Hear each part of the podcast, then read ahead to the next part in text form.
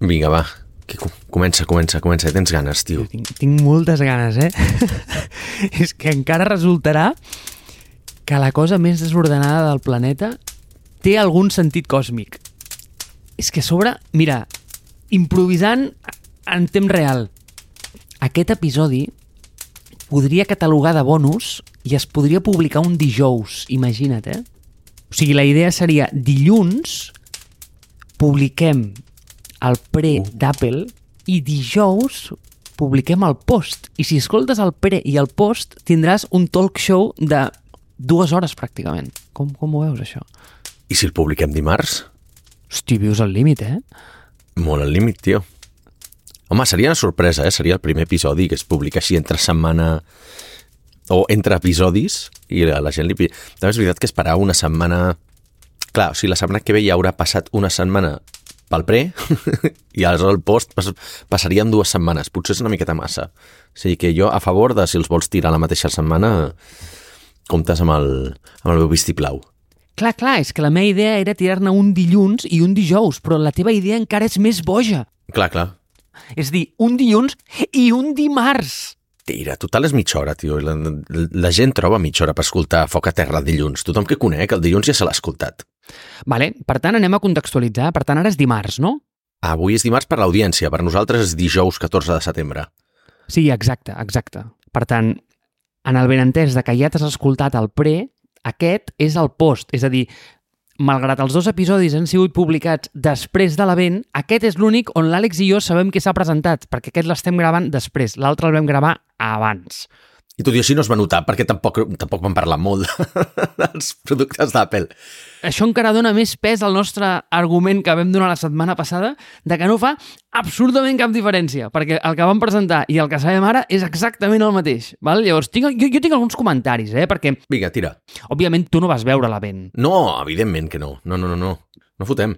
No, home, per què? Però per què? Si total, tampoc et vas perdre res. O sigui, si, si tu llegies si tu llegi, entraves, eres el mític flipat que entrava a Mac Rumors i tal, i llegies diumenge a la nit, per dir alguna cosa, eh?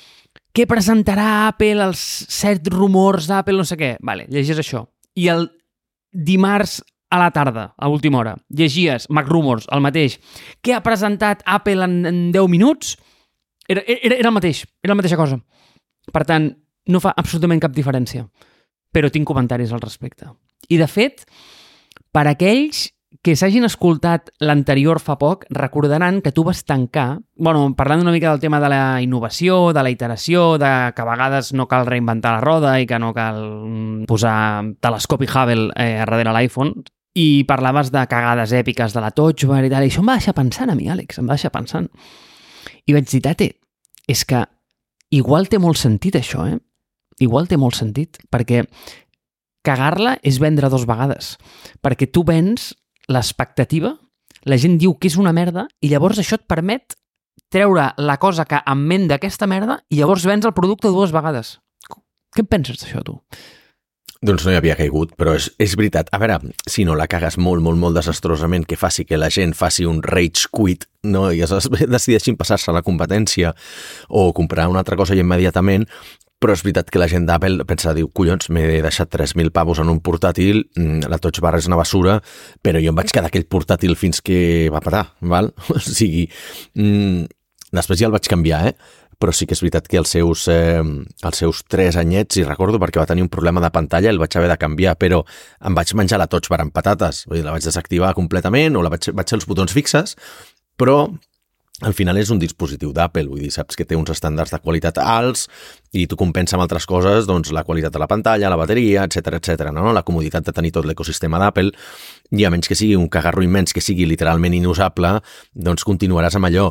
I amb més ganes agafaràs el canvi, diràs, hòstia, quan ja surti un que ja és molt millor, que recordo que aleshores ja sí que el vaig canviar pel, pel model que tinc actual, que millorava molt el tema de la performance, del soroll dels ventiladors, per exemple, desapareixia, no? I jo tenia molts problemes amb el sobreescalfament del, del portàtil, doncs vaig agafar el canvi amb moltes ganes. Per tant, segurament vaig acurtar el, el, el cicle de canvi d'un portàtil, perquè un iPhone, un portàtil d'Apple, doncs ben bé canviar-te'l per sota de 4 anys és un caprici, com diria el meu amic i soci Jordi, que és literalment la frase que em va dir ahir i vaig dir, dic, li robo pel podcast.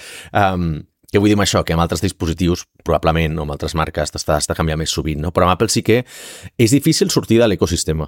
Val? O sigui, aquest és una, aquesta és una cosa important. I, I quan veus que tota aquesta gent, o sigui, me'n recordo, eh? El nostre estimat Peter Levels va ser molt crític amb la Touch Bar en el seu moment i tot això, segueix comprant segueix comprant Apple, eh? Vull dir que al final pots rajar tot el que tu vulguis, però estàs ben atrapadet a l'ecosistema. Clar, és que és interessant això, perquè hi ha aquella dita, no sé si això d'estar a l'arte de la guerra, aquell de Sun Tzu o una, un d'aquests, que diu que les millors guerres són aquelles que guanyes, però l'altre no sap que les has guanyat. És a dir, com tu lluites com una guerra invisible on l'altre no té ni consciència, llavors tu surts de l'argument havent guanyat la teva guerra particular i ell es pensa que, diu, pues que ni ha guanyat ni ha perdut, no? Pues aquesta és la mítica guerra que, diu, Apple treu el producte de merda, llavors tu compres el següent producte que millora aquella cagada que ells van posar allà a propòsit però tu no ho sabies. Malgrat, i ara em donaré el meu propi contraargument, eh, també de la mà de l'obsolescència programada, i és una cosa que a mi m'agrada pensar, i és, a veure, tenint l'exèrcit dels millors enginyers del planeta treballant per tu, cobrant salaris de 6 i 7 xifres, a veure, jo crec que a una persona d'aquestes li planteges el fet de que, escolta, em pots crear aquesta peça de software, si plau, que ens assegurem que dintre de 4 anys deixarà de funcionar amb tal dispositiu, amb tal model perquè la gent es compri un altre, jo crec que agafarien i els hi donarien una patada al cul. És a dir, vull pensar que la integritat d'aquesta gent i la seva vàlua professional està per sobre d'això. M'agradaria pensar-ho, eh? I crec que dormo més tranquil així. No ho sé. Jo, jo tampoc compro eh, l'argument de l'obsolescència programada, però sí que és veritat que havent desenvolupat software te n'adones que arriba un punt en el software en què el, diguem, evoluciona molt més ràpid que el hardware, no?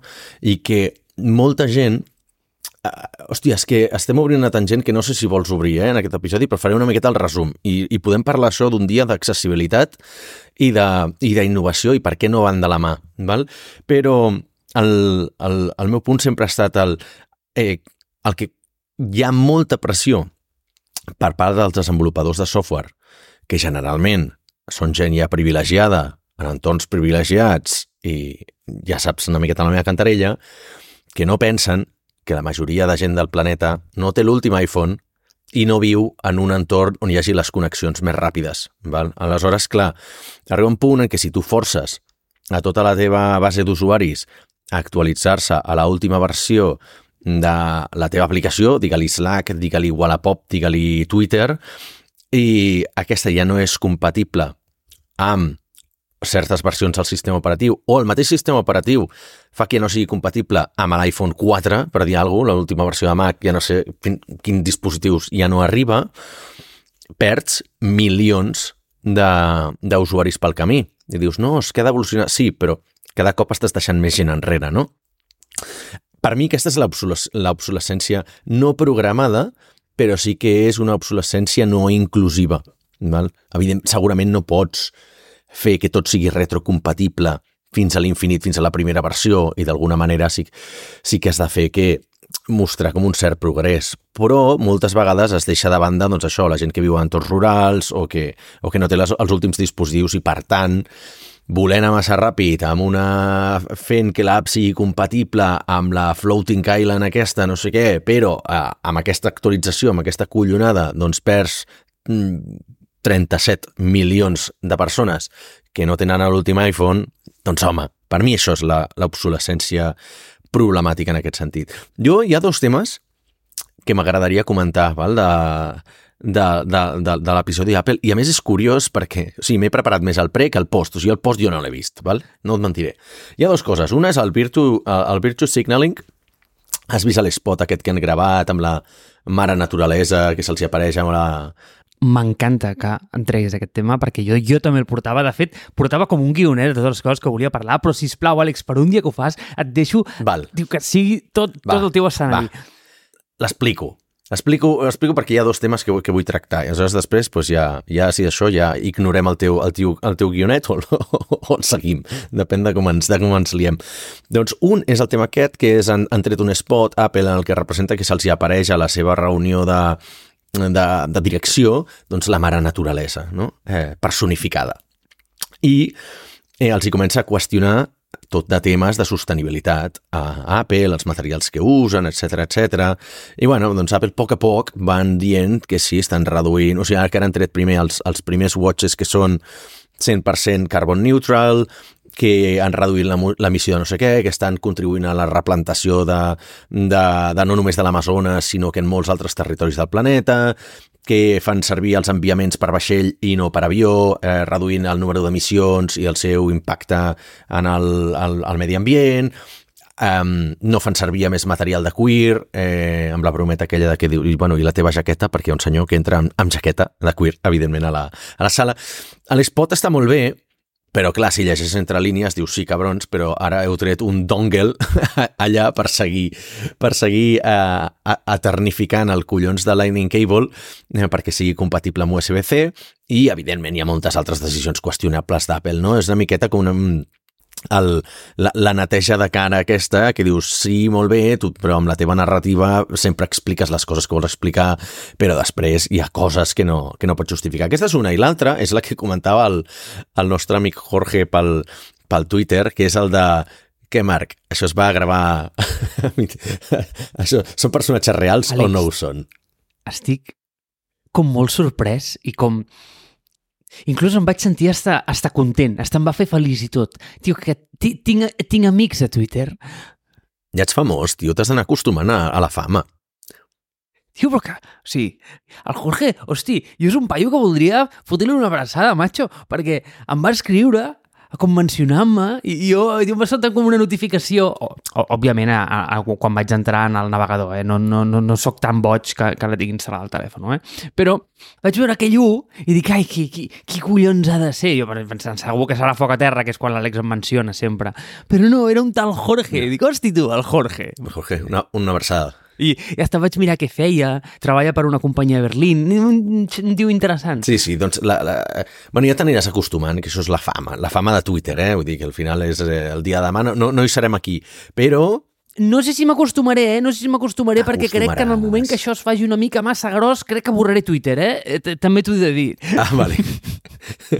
és veritat. Sí, però ja veuràs el dia que sortim als diaris, t'ho dic perquè, com que com vas mencionar que l'anterior episodi, eh, que jo havia sortit al diari amb La Vanguardia, ara he sortit amb el meu grup de música, val? vull dir que dos vegades al diari en dues setmanes és una cosa bastant interessant i arriben contactes per tot arreu. No, el que vull dir això és que a poc a poc t'has d'anar acostumant a que si estàs al davant d'una d'una cosa pública, com en aquest cas un podcast, vull dir, per bé que és una iniciativa, una iniciativa 100% privada, és veritat que, collons, comuniquem cap a l'exterior, no? I aleshores, al, al final, la gent sent identificada i vol contactar amb tu i diuen, hòstia, doncs ens escolten cada setmana doncs, doncs et tiraran el tuit igual que jo ho faig amb altra gent, vull dir, mm, jo li tiro tuits a la gent d'Andreessen Horowitz perquè m'escolto molt el seu podcast o els de My First Million o, o, o jo què sé, saps? O en el seu moment la sotana per dir alguna cosa, no? Pues aleshores això, Marc, acostuma't que serà la nova realitat.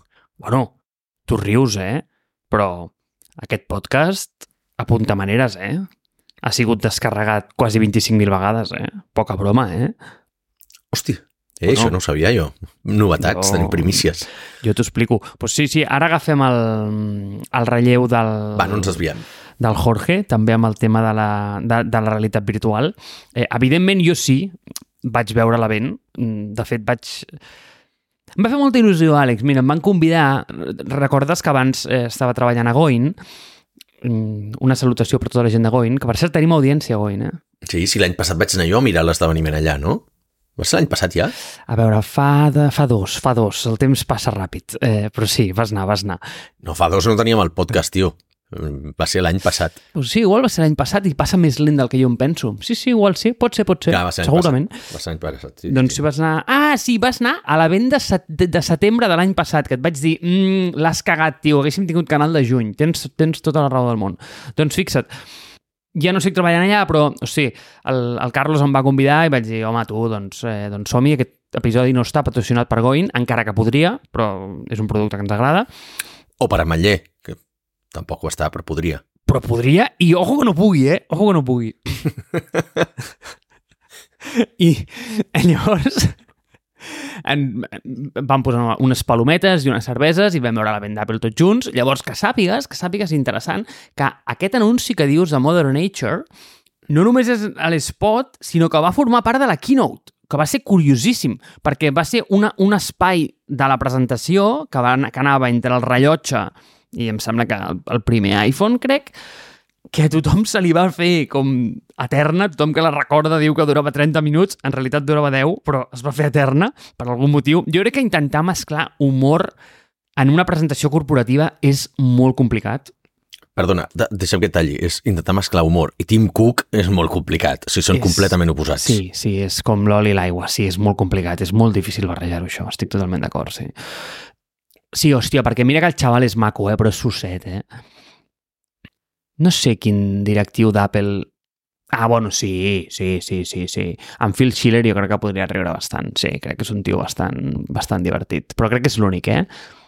No sé, va. Jo- Per un altre dia. En fi, el tema de Modern Nature. A veure, a mi això em sembla bé sempre estem a favor de qual, qualsevol iniciativa que respecti una mica aquest planeta i ens hi deixi habitar durant uns quants anys més. Però també és veritat que, a veure, com ho posem això maco? És a dir, que el màxim exponent del capitalisme, o dit d'una altra manera, el intentar créixer infinitament amb uns recursos finits dins de l'empresa, és a dir, el màxim exponent d'aquesta idea sigui una companyia valorada en més d'un trilió de dòlars que predica el seu model de negoci en què et canvis el telèfon, els AirPods i l'ordinador cada tres dies, a veure, que em venguis Modern Nature delicat. O sigui que la iniciativa catalana Repoblem, de la qual vam parlar fa uns episodis, o no, perquè igual el vam gravar i encara no l'hem publicat, no ho sé, perquè portem un merder de backlog d'episodis que no entenc absolutament res, però és igual, Repoblem és una bona iniciativa, en algun moment sortirà en aquest podcast, no ho sé. Seguim-lo escoltant perquè val la pena. Pues que una iniciativa com aquesta em vengui pues, eh, que volen preservar el medi ambient, ok, li compro. Mira, va, li compro hasta casa amb Manllé, si vols. Però a Apple no li compro, eh, tio, ho sento, eh? Jo és que vaig veure l'anunci i vaig pensar, dic, Apple, eh, in, és el que dius tu, eh, major exponent del capitalisme, producció a Xina, eh, el, el, obsolescència no, pseudoprogramada, tal, tal, tal, intentant-me vendre eh, natura i sostenibilitat és com dir que Esquerra Republicana és un partit d'esquerres, republicà i de Catalunya. És a dir, no, saps? És un no diametral, per tant, no em compro. No, exacte, o sigui, és com si el cartel de la cocaïna et ven que està pujant eh, l'índex de felicitat mundial. O sigui, a veure, no. És un bon exemple, tu creus? No, jo crec que no, però... Vale. No, no, seria més, més adequat si haguessis dit alguna cosa com que, com que el toro no sufre. A, això sí que hauria estat un exemple, saps? Però... bueno, sí, sí, però Saps? igual hem, hem d'anar amb compte quines sensibilitats toquem, eh, Àlex Rodríguez? Bueno, A veure, eh? no, Cuidado, eh? jo no estaria aquí si no pogués tocar sensibilitats, ja t'ho dic. Vale, però no em toquis casa amb Manllé, eh, per favor. No, vinga, va. Vale. vale.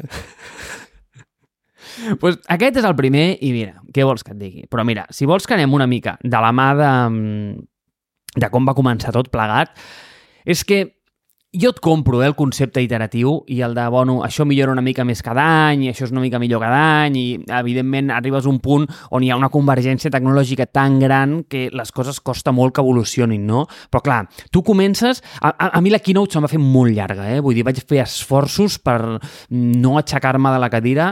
Vull dir, sort que hi havia palomites, perquè si no, jo crec que, bueno, m'hagués agafat i hagués marxat, eh? Però, hòstia, tu mires el rellotge, és exactament igual que de l'any passat, gràcies.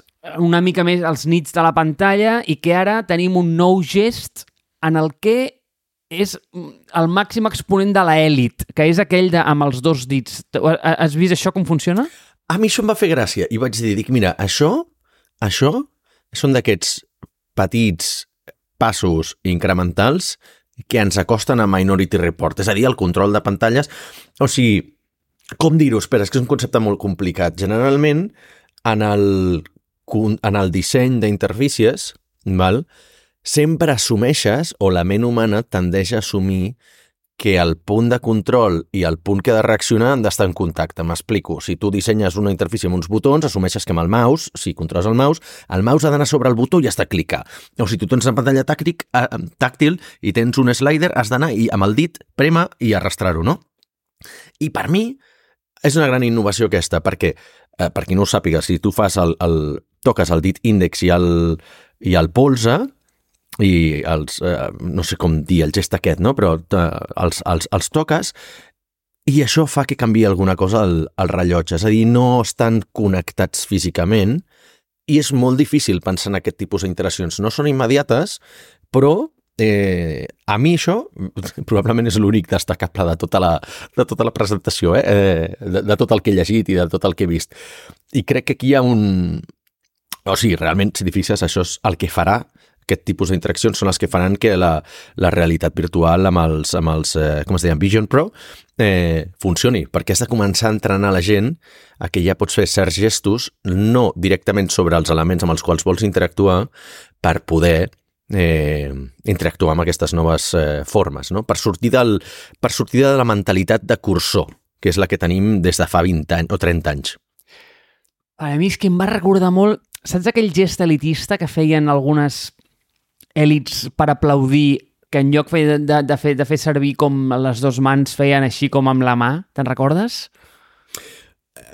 Però no serà... bueno, no, no conec jo el, el, el gest aquest, eh? no serà el concepte del jazz hands, que és el de, el de no aplaudir per no fer soroll en, una, en, en, en un concert de jazz i aleshores la gent pues, mou les mans així, vol dir t'estic aplaudint però no vull interrompre, no vull causar soroll. Oh, mira, saps, No ho sé, eh? saps allò que diuen que cada dia s'aprèn una cosa nova? Avui has après això. Crec que avui, avui he après això, ja està. Sí, sí, està bé. O sigui, me'n puc anar a dormir, vale. pràcticament. Jo estic, jo estic satisfet, jo estic satisfet perquè ensenyar-te una cosa a tu és molt complicat perquè ho saps tot. A veure, xato, que no, home, que no, que per això està la Wikipedia o ChatGPT, però jo no... Però, però, hosti, és interessant això, no ho sabia. Pues a mi em va semblar com un... Saps el mític moviment elitista que ara no pararem de fer? I quan tu dius el tema de la interacció, em ressona molt, però també crec que genera com una espècie d'autisme social. A què em refereixo? Les coses que ens fan una mica distants i que, i que generen com aquesta indiferència social són, per exemple, què et senyalen els AirPods? Molta gent no t'entra a parlar perquè com que ho portes això a l'orella no saps si estan escoltant o no, no? I per què fa molta por? I això ho vam comentar, el tema dels Vision Pro.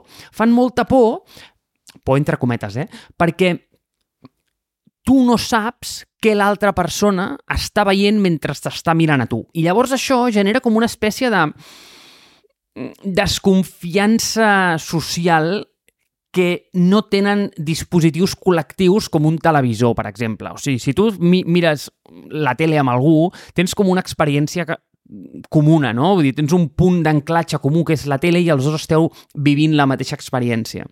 La realitat virtual fa por en aquest sentit i és jo et puc estar mirant a tu, però puc estar veient una cosa totalment diferent. O et puc estar mirant a tu i amb els AirPods puc estar escoltant una cosa absolutament diferent de la que tu m'estàs dient, no? Llavors això genera com una espècie de... És que no sé com es diu en català, eh, awkwardness, és... Eh, és... Eh... Ah, jo diria que és estrany. Sí, és estrany, sí, no? Sí, és, és, és, és entre estrany i incòmode i... Sí, exacte, eh. exacte. Està com entre estrany i incòmode. Mira, saps que ahir, ahir vaig aprendre una altra cosa, Àlex. Què? Vaig aprendre que saps aquestes expressions que no tenen traducció d'altres llengües i sempre te les dones de que sí. les altres llengües tenen paraules que no tenen traducció per, per la teva, no? Doncs en castellà hi ha una molt concreta que costa molt traduir, que és rumbo. Què vols dir, rumbo? Rumbo, o sigui, el rumb d'un vaixell, per exemple, o, o teu personal a la vida, costa molt traduir aquesta idea a l'anglès. No vaig saber trobar. Ah, val. No, no dir català sí. ah. Sí, generalment en català i en castellà generalment ja s'han vist les vergonyes entre elles, jo crec. Val, val, val, val. Clar, bueno, ah, en, en anglès seria course, però, però clar. Mm, és exactament el mateix. Fins aquí tanquem el parèntesis d'avui patrocinat per Eunoia. Per, per soft català o Eunoia, no? Sí, exacte. per soft català, m'encanta. Sí, sí, per soft català. Que, per cert, Vinga. podcast va accentuat, eh? Ho va dir el Jorge. Sí, sí, sí. Pues, eh, això, Àlex, tio, em va semblar com aquest moviment com de que estàs parlant amb algú i et fan així amb el dit i llavors és com, què, què, què has fet, xato? Què has fet amb el dit? Quin malefici has invocat amb aquest dit fent això ara mateix, no? És a dir, què passa? Que has llançat un coet a Ucraïna o has parat la música? És complicat. Val, val, perquè l'altra persona no el coneix i per tant deu pensar... Vale, vale, et segueixo, et segueixo. Que és una miqueta com els de quan tenien les Google Glass, eh, si es tocaven les ulleres, de, merda, merda, m'estàs gravant o què estàs fent? Clar, no? clar, clar, exacte, no conec, exacte. No conec aquesta màgia negra. Exacte. A veure, no vull ser conspiranoic, eh? però una mica m'agrada ser-ho, ja ho saps. I quan em donen l'oportunitat, Sí. pues, bueno, pues em tiro a la piscina, saps? Vale, compro, compro aquest d'això. Vale, això és el tema mare natura. Mm, tanquem aquí o... Ah, bueno, espera, és que clar, hem fet una petita digressió Clar, no l'hem acabat. Perquè hem anat, a- hem anat endavant i enrere, perquè hem començat per la mare natura, Sí, després hem tornat enrere en el rellotge, que va ser el primer que hem presentat. vinga. Perfecte, no sé si tenies algun punt més sobre la mare natura.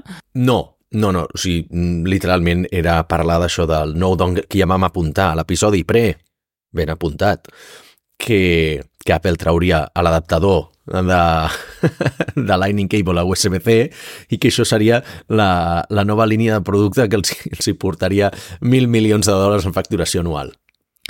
Exacte. Llavors, després jo crec que es va presentar la nova versió de Apple Watch Ultra, que també m'importa el mateix que l'hora que passen a, a recollir mm, el reciclatge del vidre en el, en el meu barri, és a dir, zero. Després van venir els iPhones, i què vols que et digui, Àlex? O sigui, de nou, eh? Avorrit. Sense gaire... No sé. Jo sincerament pensava que farien una mica més de història al voltant de l'USB-C, és a dir, que a sobre que em dirien no, no, mira, és que et canviem el port, jo crec que em, que em generarien com una bona narrativa. Però també tinc una, un molt comentari sobre aquest tema i és que vull desemmascarar un mite.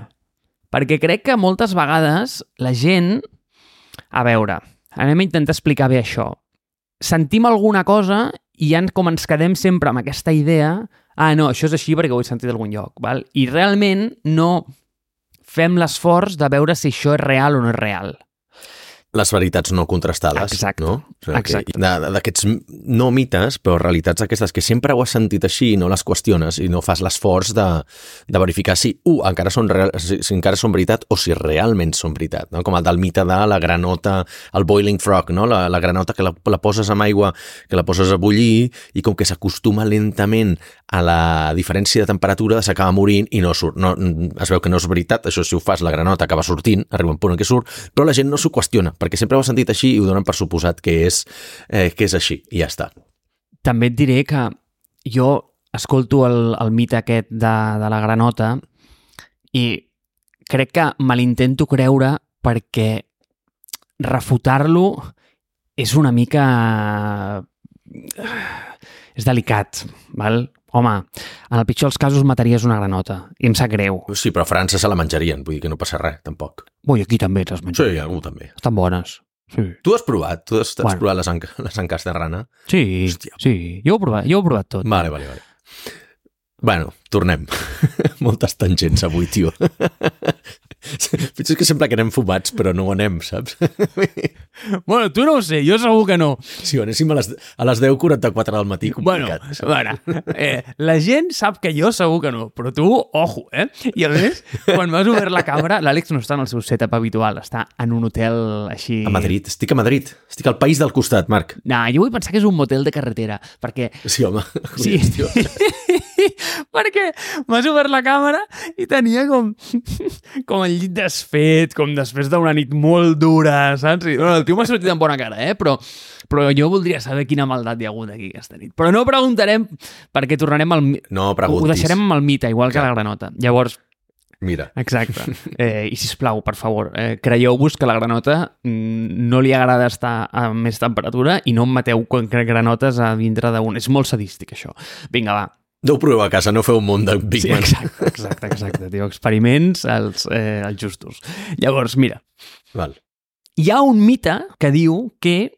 Va, i me l'acabaràs tu, va, perquè veus que és tan Vox Populi. A l'iPhone cada any és més... Car. Exacte. Car. Exacte. Mira, has vist? Que, que bé que ens ha quedat això, Àlex, tio. Ens ha quedat Sí. maco, eh? Només hi havia tres opcions. És més car, és més ràpid o és més eh, potent? Que generalment, ah. sí. Generalment són això les presentacions d'Apple. Eh, és el, el millor MacBook Pro, el, el MacBook Pro més potent de la història. No, ja, clar, tu creus que cada any hauries de presentar un menys potent, capullo, però bueno. Clar, però, és a dir, el, els dos primers que has mencionat són com, com evidents en si mateixa, l'últim és controvertit. Val. Perquè és molt fàcil medir les altres dues, però en canvi l'és més car no és tan senzill medir-ho, perquè tu ho pots medir a nivell de preu i pots dir, ah, no, sí, clar, és que val 100 euros més, ja, ja, ja, gràcies, fins aquí jo també he arribat. El que he intentat fer és factoritzar la inflació, d'acord? Eh, aquesta ha sigut tota la meva feina bueno, en realitat n'he fet més, vale? però me les vull donar de que, de que no estudio i ja provo. Vale?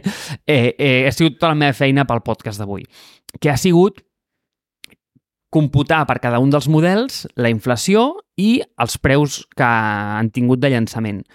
I vols creure't que cada any l'iPhone és més barat? Curiós, eh? M'ho crec, m'ho crec.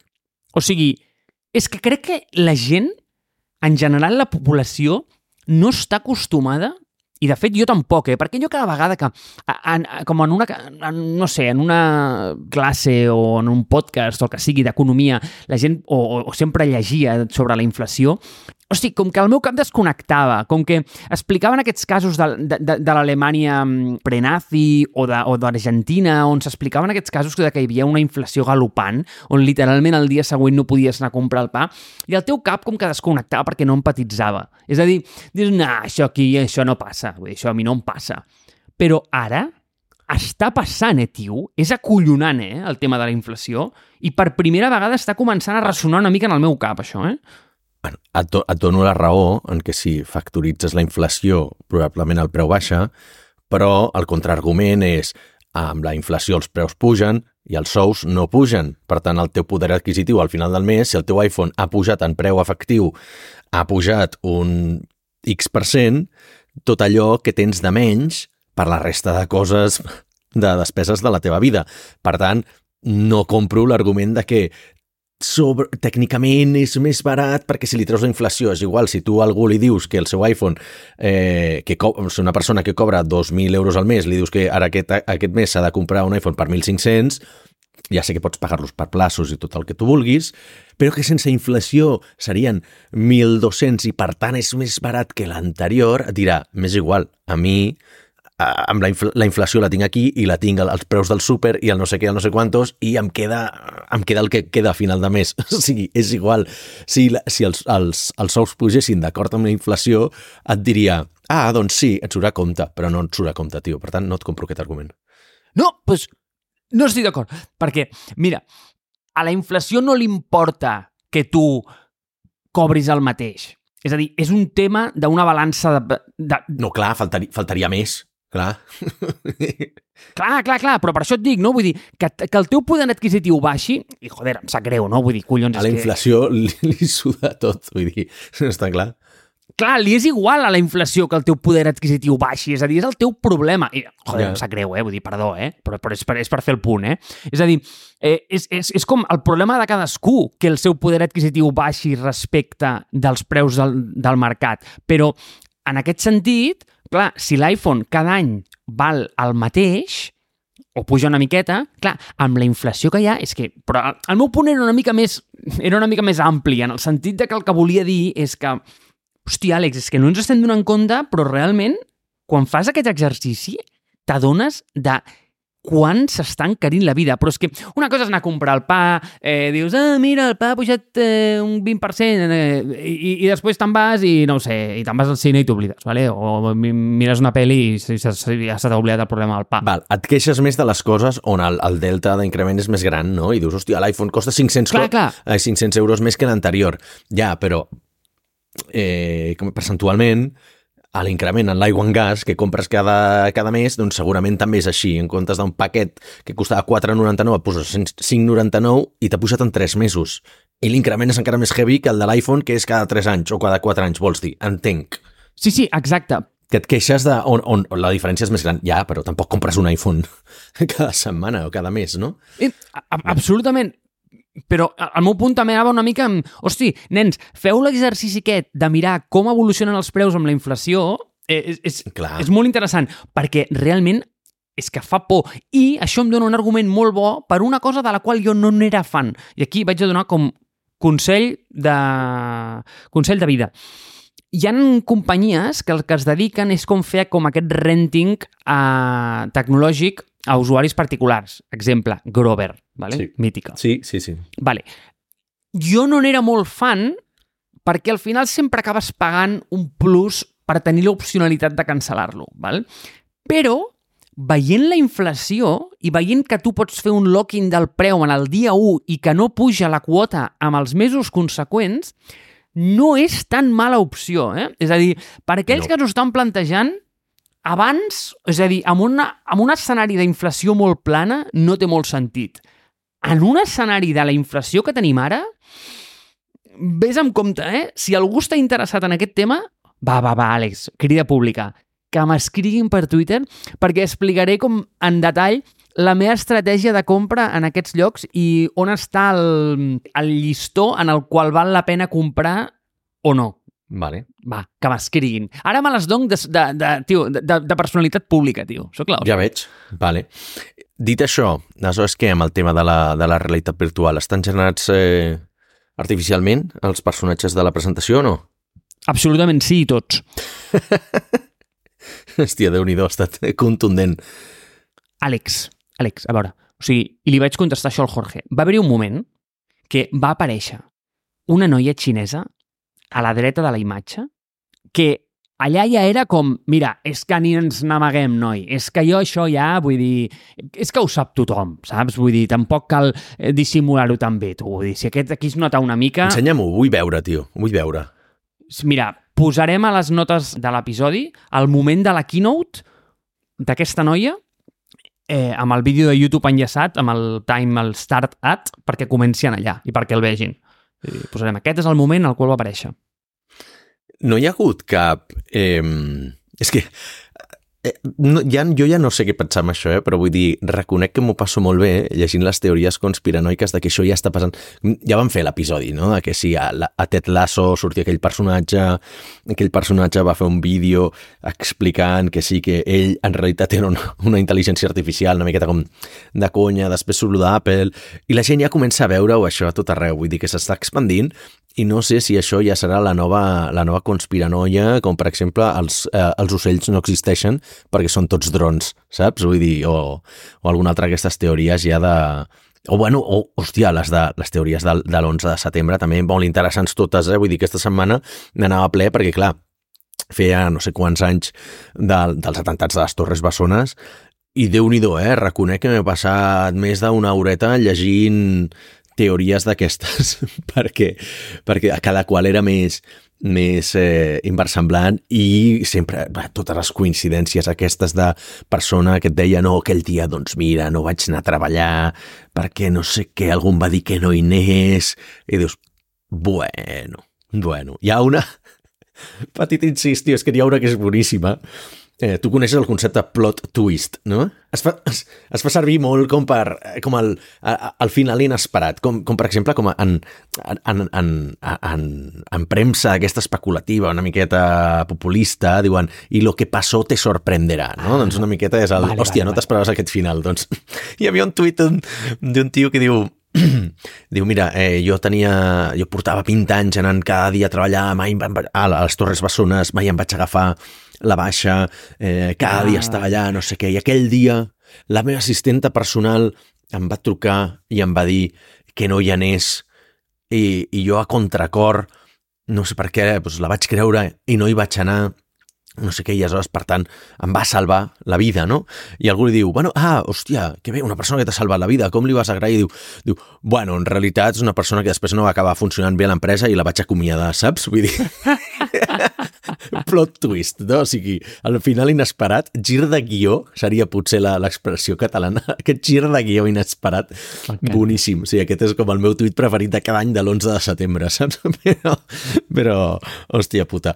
Eh, no, dit això, sí, pel tema del, el tema del vídeo, o sigui, no l'he mirat, no he mirat la, la presentació, però ja inclús a la, tornant a la campanya aquesta de la, de la Mare Natura, a mi ja m'ho semblava una miqueta. Ja potser vaig condicionat i els meus ulls ja volen veure a veure si realment està fet amb, amb la intel·ligència artificial o no, però, però admeto que estava mirant el vídeo i dic aquest, aquest personatge és real o no? I aquest?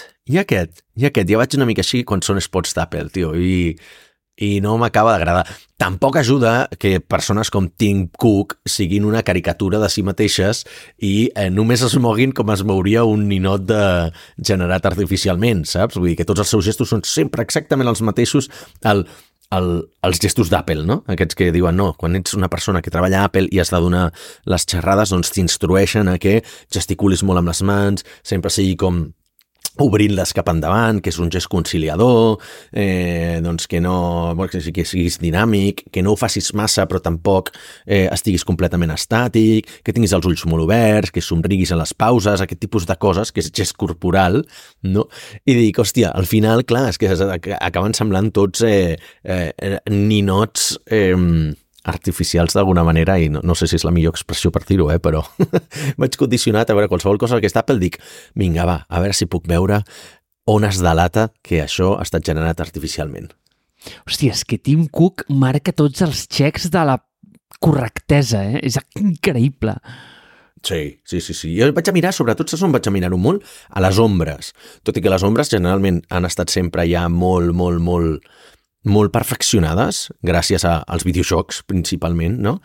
Però, però on em venen més dubtes sempre és amb les ombres de les coses. I et diré per què. Si, si t'hi fixes en vídeos de generats artificialment o inclús en videojocs, es centren molt en que els personatges tinguin ombres però no tant que les coses del seu voltant facin l'ombra correcta, perquè, clar, computar una ombra és molt complicat, aleshores, clar, tu ja estàs processant tot el que és el, el model 3D del teu personatge, els altres personatges, els arbres del fons, l'aigua que corre pel riu, el no sé què, no sé quantos, ja és un cost computacional molt gran.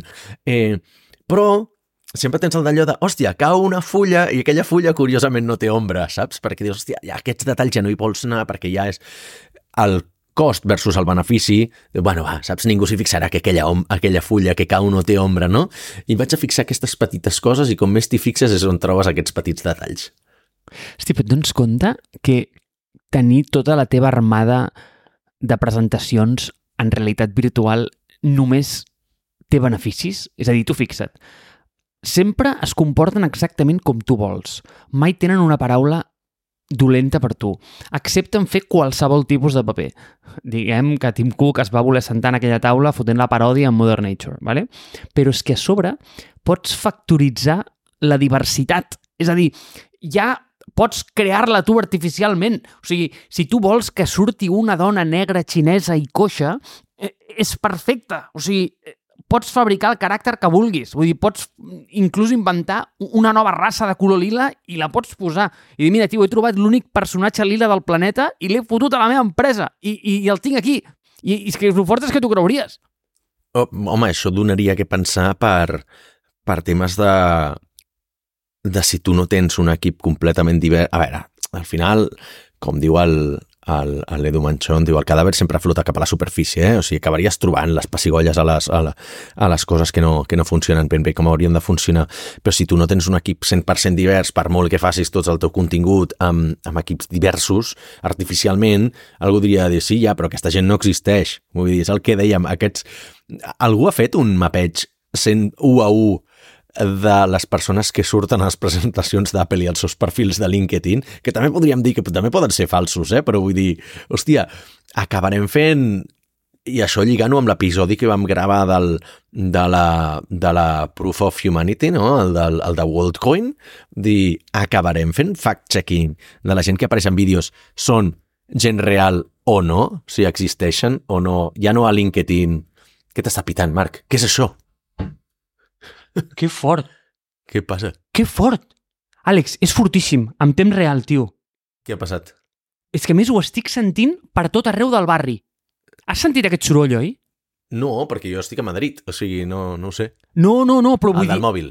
El del mòbil, sí, sí. sí. Vale, tu saps que a mi res em notifica, oi? Ja. Àlex, acabes de sentir una alarma molt forta, oi? Sí, molt forta. Molt forta, i a més amb un micro que és cardoide on no hauries de sentir absolutament res. Vale. Molt forta. Atenció al que m'ha arribat, eh? Atenció al que m'ha arribat. Mira.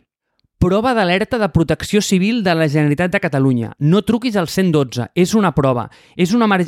En una emergència real rebràs instruccions per protegir-te.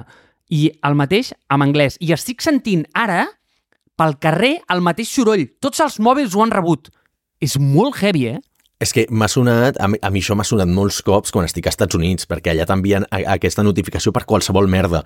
Del pal, eh, hi ha hagut un mini huracà, no sé què, o s'ha perdut un nen, no sé què, o sigui... Bueno, és, eh, hi ha debat d'això, eh?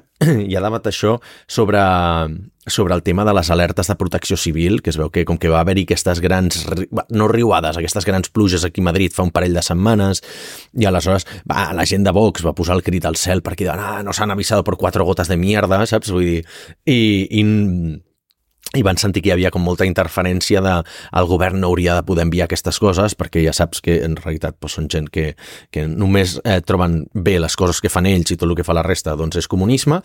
Eh, clar, si, si això ho portes a l'extrem com fa als Estats Units, que per qualsevol merda, o sigui, d'aquests te n'arriben quatre a la setmana, i a nosaltres que no estem, no estem gens acostumats, doncs, bueno, hi ha un, hi ha un abisme de diferència, no? Però és, eh, és curiós que l'hagis eh, provat allà, això vol dir que, que gent, o sigui, la Generalitat va una miqueta per endavant de, de segons quins altres governs. No, i, i és interessant perquè, fixa't, eh? Tenia el mòbil amb silenci No, això no pot silenciar. Això no pot i silenciar. amb no, mol i, i amb no molestar.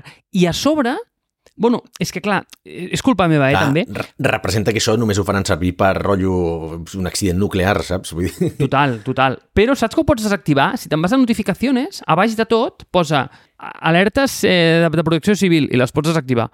Eh, i, I no sé si les pots desactivar 100% totes, eh? Però bueno, Ja, Això ja és veritat, perquè posa prealertes, no posa alertes. Bueno, no, ho sé. Exacte. En fi. Les alertes, les crítiques crítiques, tècnicament no les pots desactivar perquè és això, t'han d'avisar de ei, tio, saps? Vull dir, s'està cremant la teva ciutat o ha explotat el volcà i quedaràs soterrat sota la lava, saps? Vull dir, si estàs a Pompeia, eh, sí, la gent no ho tenia i per això els hi va passar el que va passar, eh? Però, però mm, crec que no pots desactivar-ho 100%.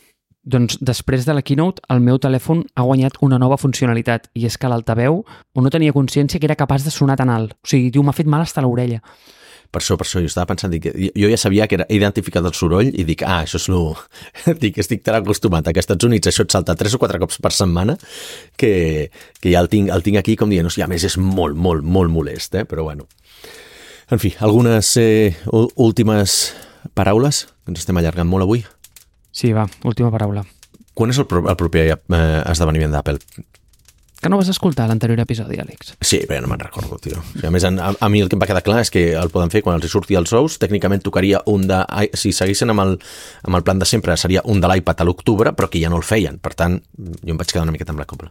Ah, molt bé. Tio, vas escoltar molt bé, vas aprendre bé la classe. Sí, doncs seria una cosa d'aquest tipus, el que passa és que, clar, ara no és que no el fagin, és que és com opcional, és com... Ah, Eh, sí, és com el gat de Schrödinger, saps? Està, però no està, vale? Llavors, mm, no, mai saps. Mai saps fins que no arriba l'octubre i destapes, saps? Llavors no, no saps mai el que presentaran. Però vaig a treure com la meva part més romàntica i no sé si a la vegada hater, però diguem que nostàlgica igual. Jo ja m'he adonat, fa molts anys em vaig adonar que Apple era una companyia que a mi no, no em parlava ja. Però ahir em vaig donar més compte que mai i és que van matar l'únic producte que jo hagués comprat. quin? L'iPhone mini.